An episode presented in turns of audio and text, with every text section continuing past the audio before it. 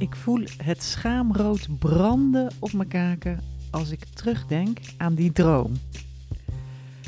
Rode wangen niet van opwinding, maar van gêne en van schaamte. Hallo, ik ben Evelien de Jong en je luistert naar de Wil ik een kind podcast. De podcast die je helpt als je twijfelt over wel of geen kind, omdat de liefde niet vanzelf een antwoord geeft. Ik heb heel lang een droom gehad waar ik me niet eens bewust van was en waar ik me nu voor geneer. um, en ik ken iemand die heeft mijn droom waargemaakt en zit nu in een nachtmerrie. Deze aflevering gaat over dromen en hoe dromen leiden tot nachtmerries en hoe ik merk in mijn werk dat dromen het grootste obstakel vormen om uiteindelijk het juiste besluit te kunnen nemen. Mijn oude droom, dat zal ik maar heel eerlijk bekennen, mijn oude droom was dat ik, als ik een spannende gast had, waar ik iets mee had, waar ik avonturen mee beleefde, want dat was wat ik voornamelijk deed in relaties, dat ik dan onbewust droomde dat die man op een gegeven moment zou realiseren: ja, maar dit is een leuke partner in crime om te party crashen, om uh, erop uit te trekken, om avonturen te beleven, maar ook is dit natuurlijk de moeder van mijn kinderen en zullen we samen heel gelukkig worden als we in een dagelijkse sleur zitten. De droom stond zo ver af van de werkelijkheid dat als ik eraan terugdenk, dat ik het um, gênant vind. Moeite met het woord gênant, merk ik. Ja, omdat ik me schaam natuurlijk. Kom ik niet helemaal uit mijn woorden. Ik vroeg ooit een kind aan mijn minnaar. Hij zei toen: ik denk niet dat mijn vriendin dat leuk zal vinden. En daarna zei hij, dat zou een geil kind worden. En niet, dat zou een leuk kind worden. En niet, oh, ik heb zin om samen met jou oud te worden. En dat we minder avonturen kunnen beleven, minder drank en drugs kunnen doen. En dat we kunnen gaan voor geborgenheid. En uh, dat de spetterende seks verdwijnt. Dat wil helemaal niemand. Dat willen mannen niet, dat willen vrouwen ook niet. Maar die droom van samen gezinsgeluk stond zo ver af van wat wij hadden dat ik me ervoor schaam dat ik dat gedroomd heb. En je weet dat je je schaamt voor een droom als je maar niemand zou durven vertellen. Want als je hem zou durven vertellen, zouden mensen zeggen: Yo, wake up. wake up. Dit is helemaal niet. Je bent aan het dromen. Dit is helemaal niet iets wat, wat realistisch Het is niet realistisch. Dit, dit wordt nooit werkelijkheid. Dat is het probleem met zo'n droom. Ik ken dus iemand die heel graag een kind van haar minnaar wilde hebben. Uh, de man waar zij iets mee had, die was al getrouwd. En zij zou heel graag een kind van hem hebben. En dat heeft ze ook gedaan. Ze heeft een kind van hem gekregen. En toen werd de droom een nachtmerrie. Want ze raakte zwanger, ze kreeg een zoon. En daar is ze heel gelukkig mee. Maar er zit ook iets onder waar, waaraan eigenlijk praat niemand daarover, want iedereen weet dat het schuurt. Zij heeft nu een zoon van een man die lange tijd getrouwd was en al een gezin had. Hij is eh, zeer recent gescheiden. Maar hij komt helemaal niet terug bij haar, want eigenlijk sinds zij die zoon heeft gekregen, wilde die niks van het kind weten. Zij heeft nog een tijd lang, als haar kind jarig was, een kaartje gestuurd of hem dingen laten weten, maar hij, hij reageerde daar gewoon helemaal niet op. Ze wonen allebei in dezelfde stad.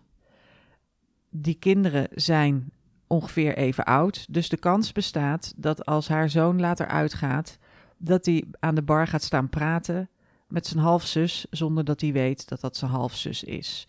Dus dit is natuurlijk uitstekend voer voor soaps en voor televisieseries die jarenlang door kunnen gaan. Met geheimen en uh, dingen waarvan je het schaamrood op de kaken zou krijgen. Maar om erin te zitten, het grootste probleem is dat zij iets van haar minnaar, ex-minnaar verlangt. Dat ze nooit zal krijgen, want hij is gescheiden. En uiteindelijk heeft ze hem een paar jaar geleden gezegd, je moet meebetalen.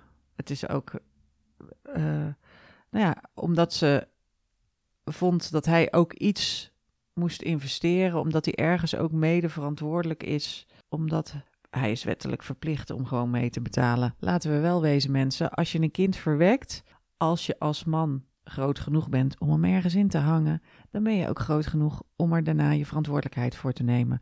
Als je als man een kind maakt bij een vrouw op de fysieke manier, dan ben je de verwekker van het kind. Dan ben je niet een donor. Dan ben je de verwekker van het kind en dan heb je plichten. Het nadeel is dat aan die plichten ook rechten vastzitten. Of dat is een voordeel. Of daar zit eigenlijk niet per se een waarde aan. Maar als je ooit denkt over een kroegbaby, dan heb je in ieder geval nog een fysieke klik of een romantische klik. De nachtmerrie die eraan vastzit, is dat je dan daarna met die romantische klik twintig jaar lang praktische afspraken moet maken. En dat je als je verliefd wordt op iemand anders en je wil naar de andere kant van het land verhuizen, dat zo'n man, die jij alleen maar een nachtje in de kroeg hebt getroffen, dan kan zeggen: Nee, we gaan niet verhuizen, want het kind blijft hier. Maar de titel letterlijk van de, van de blog is: Kroegbaby, vraagteken, hoedje uh, voor een nachtmerrie. Of hoedje voor de nachtmerrie van de. Nou ja, als je nachtmerrie en kroegbaby bij welk kind opzoekt, dan kom je op dat blog. En dat uh, is geschreven door een jurist. Dat is zo. Als je heel lang blijft dromen, uiteindelijk uh, krijg je te maken met juristen. En het zijn mijn beste vriendinnen. Maar je wil er, als het gaat om gezinsgeluk, eigenlijk zo min mogelijk te maken mee hebben. Het grote probleem van die moeder met die zoon is dat ze heel gefrustreerd is. Ze is gefrustreerd dat een deel van de droom is gelukt, namelijk ze heeft een kind gekregen en daar is ze heel blij mee. Wat ze zich niet gerealiseerd had, is dat dat kind een permanente confrontatie ook is met het feit dat zij verliefd is geweest op iemand die niet zo verliefd was op haar. He's just not that into you. Hij was niet dead into haar dat hij dacht: ik verlaat mijn gezin en ik begin met jou een nieuw gezin. En zelfs nu hij gescheiden is, gaat hij niet met haar een gezin opstarten, wat nu ook al helemaal niet meer kan, omdat die relatie helemaal niet meer daar ruimte voor laat. En dat was toen allemaal heel spannend. En, en hen, uh, nou ja, hoge pieken, diepe dalen, Whitney Houston, drama, waar ik zelf een grote fan van ben. Want waarom zou je flatlinen als je ook gewoon um, hoge pieken en diepe dalen kan hebben? Maar ze is, die teleurstelling is enorm geweest. En zij had waarschijnlijk hetzelfde als ik, misschien ook wel het schaamrood op de kaken branden van haar droom en van hoe onrealistisch ze was. Maar het maakt de val, als je, als je neerkomt op de grond, niet minder hard. Je komt nog steeds keihard, word je tegen de grond gesmakt. Als dan blijkt dat je een kind krijgt en hij wil daar niks mee te maken hebben. En voor dat kind is het gewoon heel sneu. Zo'n kind wordt ouder en vraagt, stelt vragen over zijn vader. En dan moet jij iets gaan verzinnen. Dus of je moet verzinnen dat het een donor was, maar als hij dan naar zijn donor op zoek wil, dan blijkt dat niet te kunnen.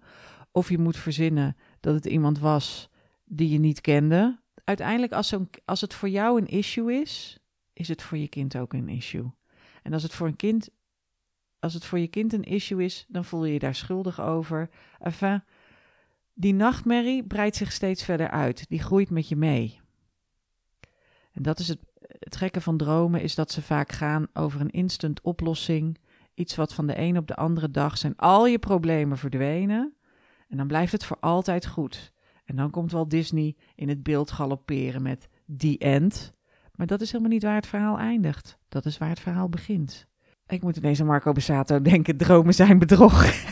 maar als, je, als ik wakker word naast jou, dan droom ik nog. Maar het, het probleem is dus, die dromen lijken een instant oplossing, ook omdat ze niet doordacht zijn. Ik vertelde in het begin van mijn kinderwens aan iedereen dat ik een grote kinderwens was. Ik werkte in de cafeetje hiernaast op de hoek, Café Welling. Dat is het café naast waar ik woon.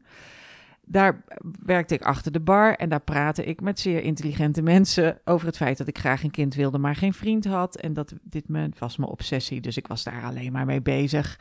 En ik kreeg van, nou pak een beet, tussen de 10 en de 97 mensen het advies om gewoon de kroeg in te duiken. Jij bent zo'n leuke meid, je hebt je babbel mee, ga gewoon de kroeg in. En dan zei ik, ja, maar denk die optie nou eens even uit. Denk eens even verder door na, duik gewoon de kroeg in, neem iemand mee. op het moment dat je eh, ovuleert. En dan ook nog eens niet te veel onder invloed van drank en drugs, want dat is ook niet heel goed hè, voor de conceptie. En denk dan eens na over hoe dat verhaal zich verder ontspint. Maak het verhaal eens af. En dan uh, viel iedereen stil, want ze konden het verhaal niet afmaken. Het romantische van de fysieke aantrekkingskracht, het romantische van de ware liefde tegenkomen en dat het dan voor, al, voor altijd goed gaat. Ja, niemand wil gezien worden met een boeketreeksroman, maar niemand krijgt het ook zijn strot uit. Het is gewoon niet heel geloofwaardig.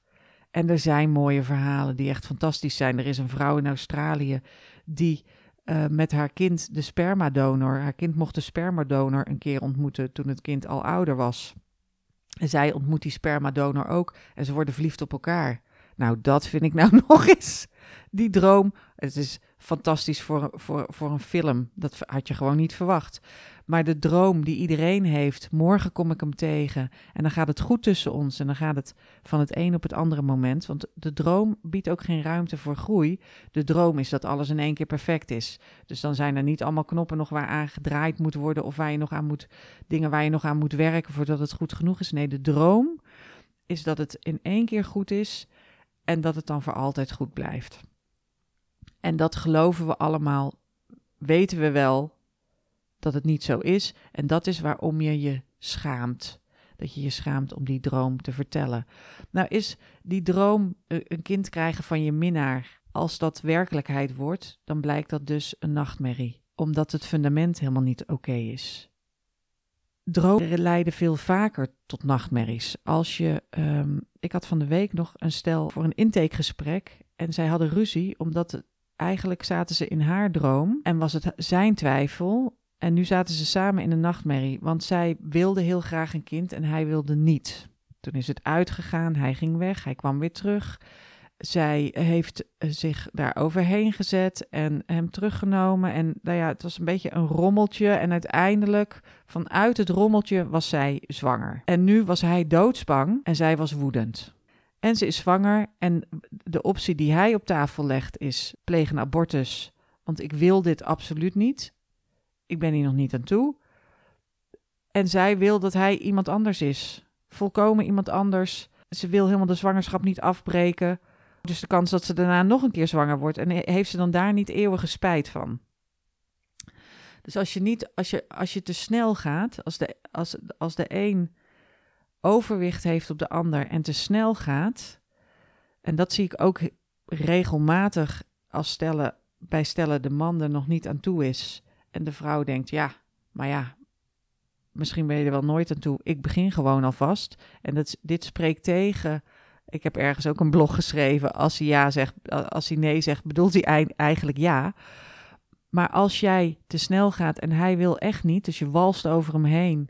Je denkt, nou ja, ik vind niet veel dingen belangrijk, maar dit vind ik wel heel belangrijk en ik ga dit doen. Dan word je wakker uit de droom op de dag dat je zegt: Kijk eens, positieve zwangerschapstest. En zo'n man is niet blij en niet gelukkig, maar in paniek. En dan wordt het heel lastig, want dan staat er zoveel op het spel en dan is de druk zo hoog. Dan kom je dus van de droom in de nachtmerrie, omdat jij hem gaat zitten verwijten dat hij niet blij is, dat hij zich er niet overheen kan zetten, dat hij toch A heeft gezegd, dat hij nu ook B moet uh, zeggen. Voor jou is het verhaal Oké, we zijn uit elkaar gegaan vanwege de kinderwens. We zijn weer teruggekomen omdat je het licht had gezien. Voor jou was dat misschien hè, een schemerlampje. En voor mij was het een klaarlichte dag en een felle zon aan de evenaar. Voor mij was het heel helder. Voor jou was het een klein lampje. Maar nu is het licht aan in de ruimte. En nu zien we iemand die heel angstig is en heel verdrietig, weggekropen in een hoekje zitten. En we zien iemand die furieus is omdat de droom uiteenspat. En omdat ze al haar hoop had gezet op het als hij terugkomt en ik word zwanger, dan poef komt alles goed. Maar als hij terugkomt en jij wordt zwanger en hij is daar nog niet aan toe, dan poef ontploft de hele situatie en krijg je nog voordat het kind geboren is al een, al een nachtmerrie-vechtrelatie. En dat komt omdat je eigenlijk alleen maar gefocust hebt op droomdingen. Eigenlijk is dromen vluchtgedrag. Ik heb een piramide die je kunt downloaden met een, uh, een soort van stappenplan wat ik doe met mensen. En die piramide, de onderste brede laag, het fundament van de piramide, dit is eigenlijk van hoe je omgaat met je kinderwens.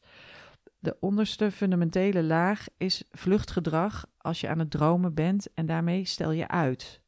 En op een gegeven moment word je jezelf bewust van het feit dat je aan het dromen bent en dat je niet realistisch bent. En dan ga je nadenken.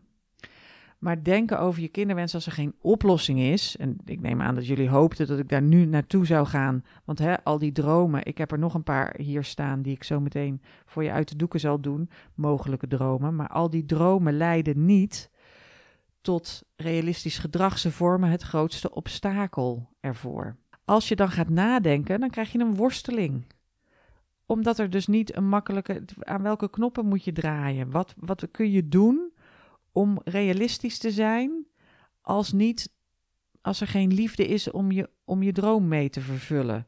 En dan ga je denken en dan vaak ook denken aan wat er allemaal mis kan gaan en alles wat je niet hebt en aan al je verlies. En door daarover na te denken en te blijven denken, krijg je een soort piekermodus waar je in komt te zitten en blijf je alsmaar piekeren. Dus je bent je wel bewust van je probleem, maar je kan er nog niks mee.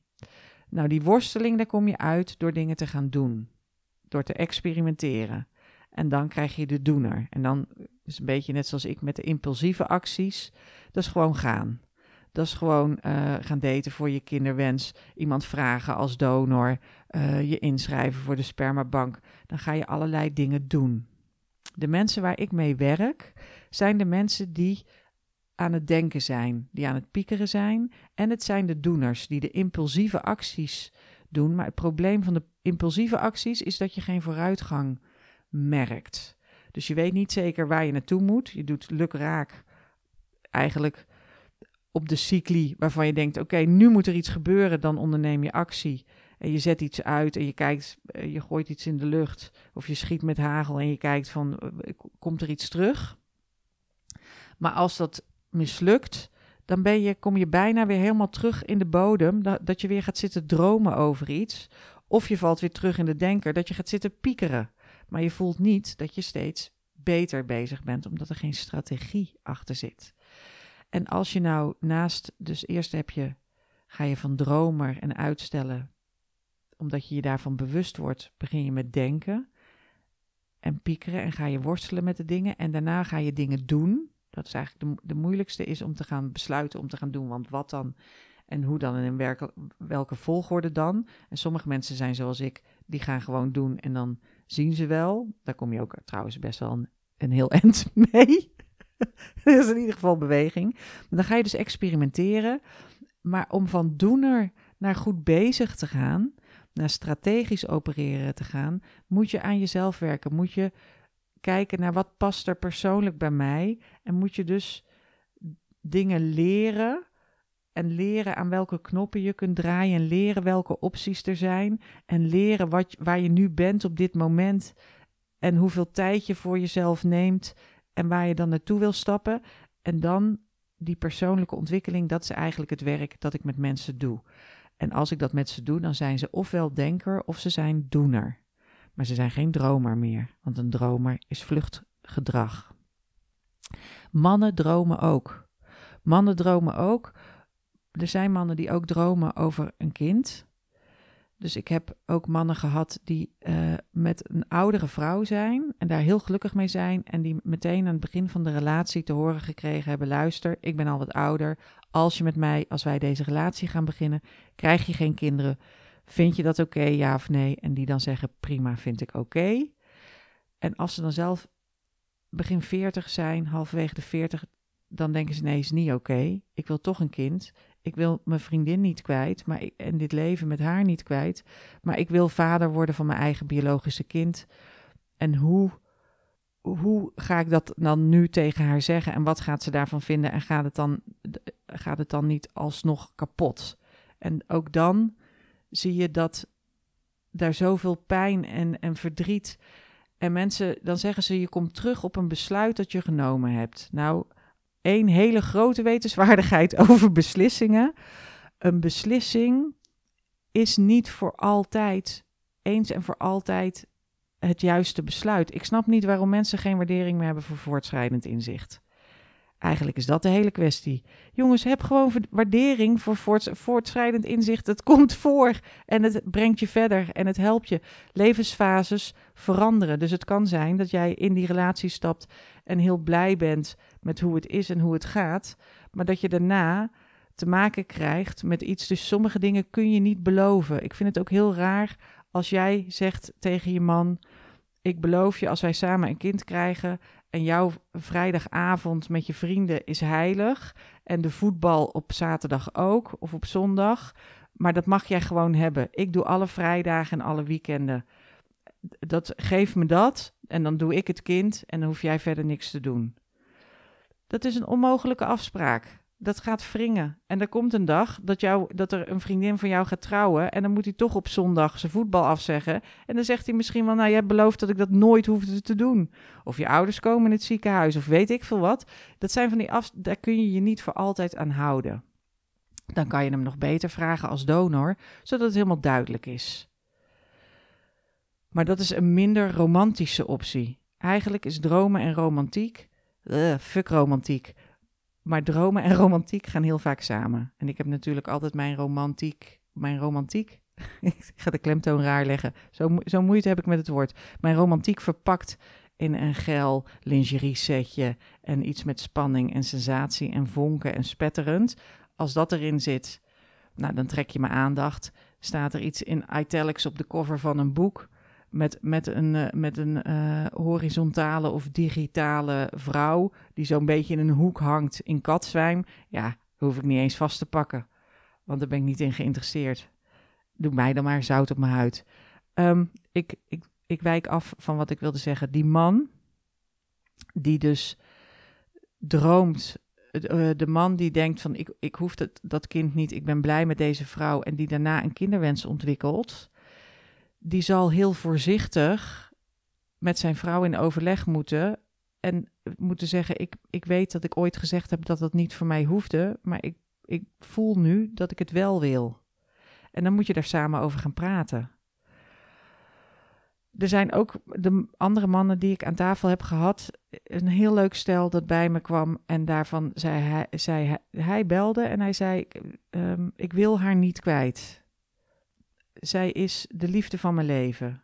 Maar ik heb al twee kinderen en um, zij wil nu heel graag een kind. En ik, we komen er gewoon niet uit. Ik, ik, ik kan geen ja zeggen uh, en, zij kan, uh, en zij kan ook niet echt de kinderwens opgeven, dus we zitten vast. En er was best veel werk voor nodig om uiteindelijk die man te zeggen: wat ik echt wil, mijn grote verlangen, is dat zij zich voegt naar mijn gezin. Dat haar liefde zo groot is dat mijn kinderen voldoende zijn voor haar. En dat was voor haar verschrikkelijk om te horen, maar het bood ook heel veel duidelijkheid.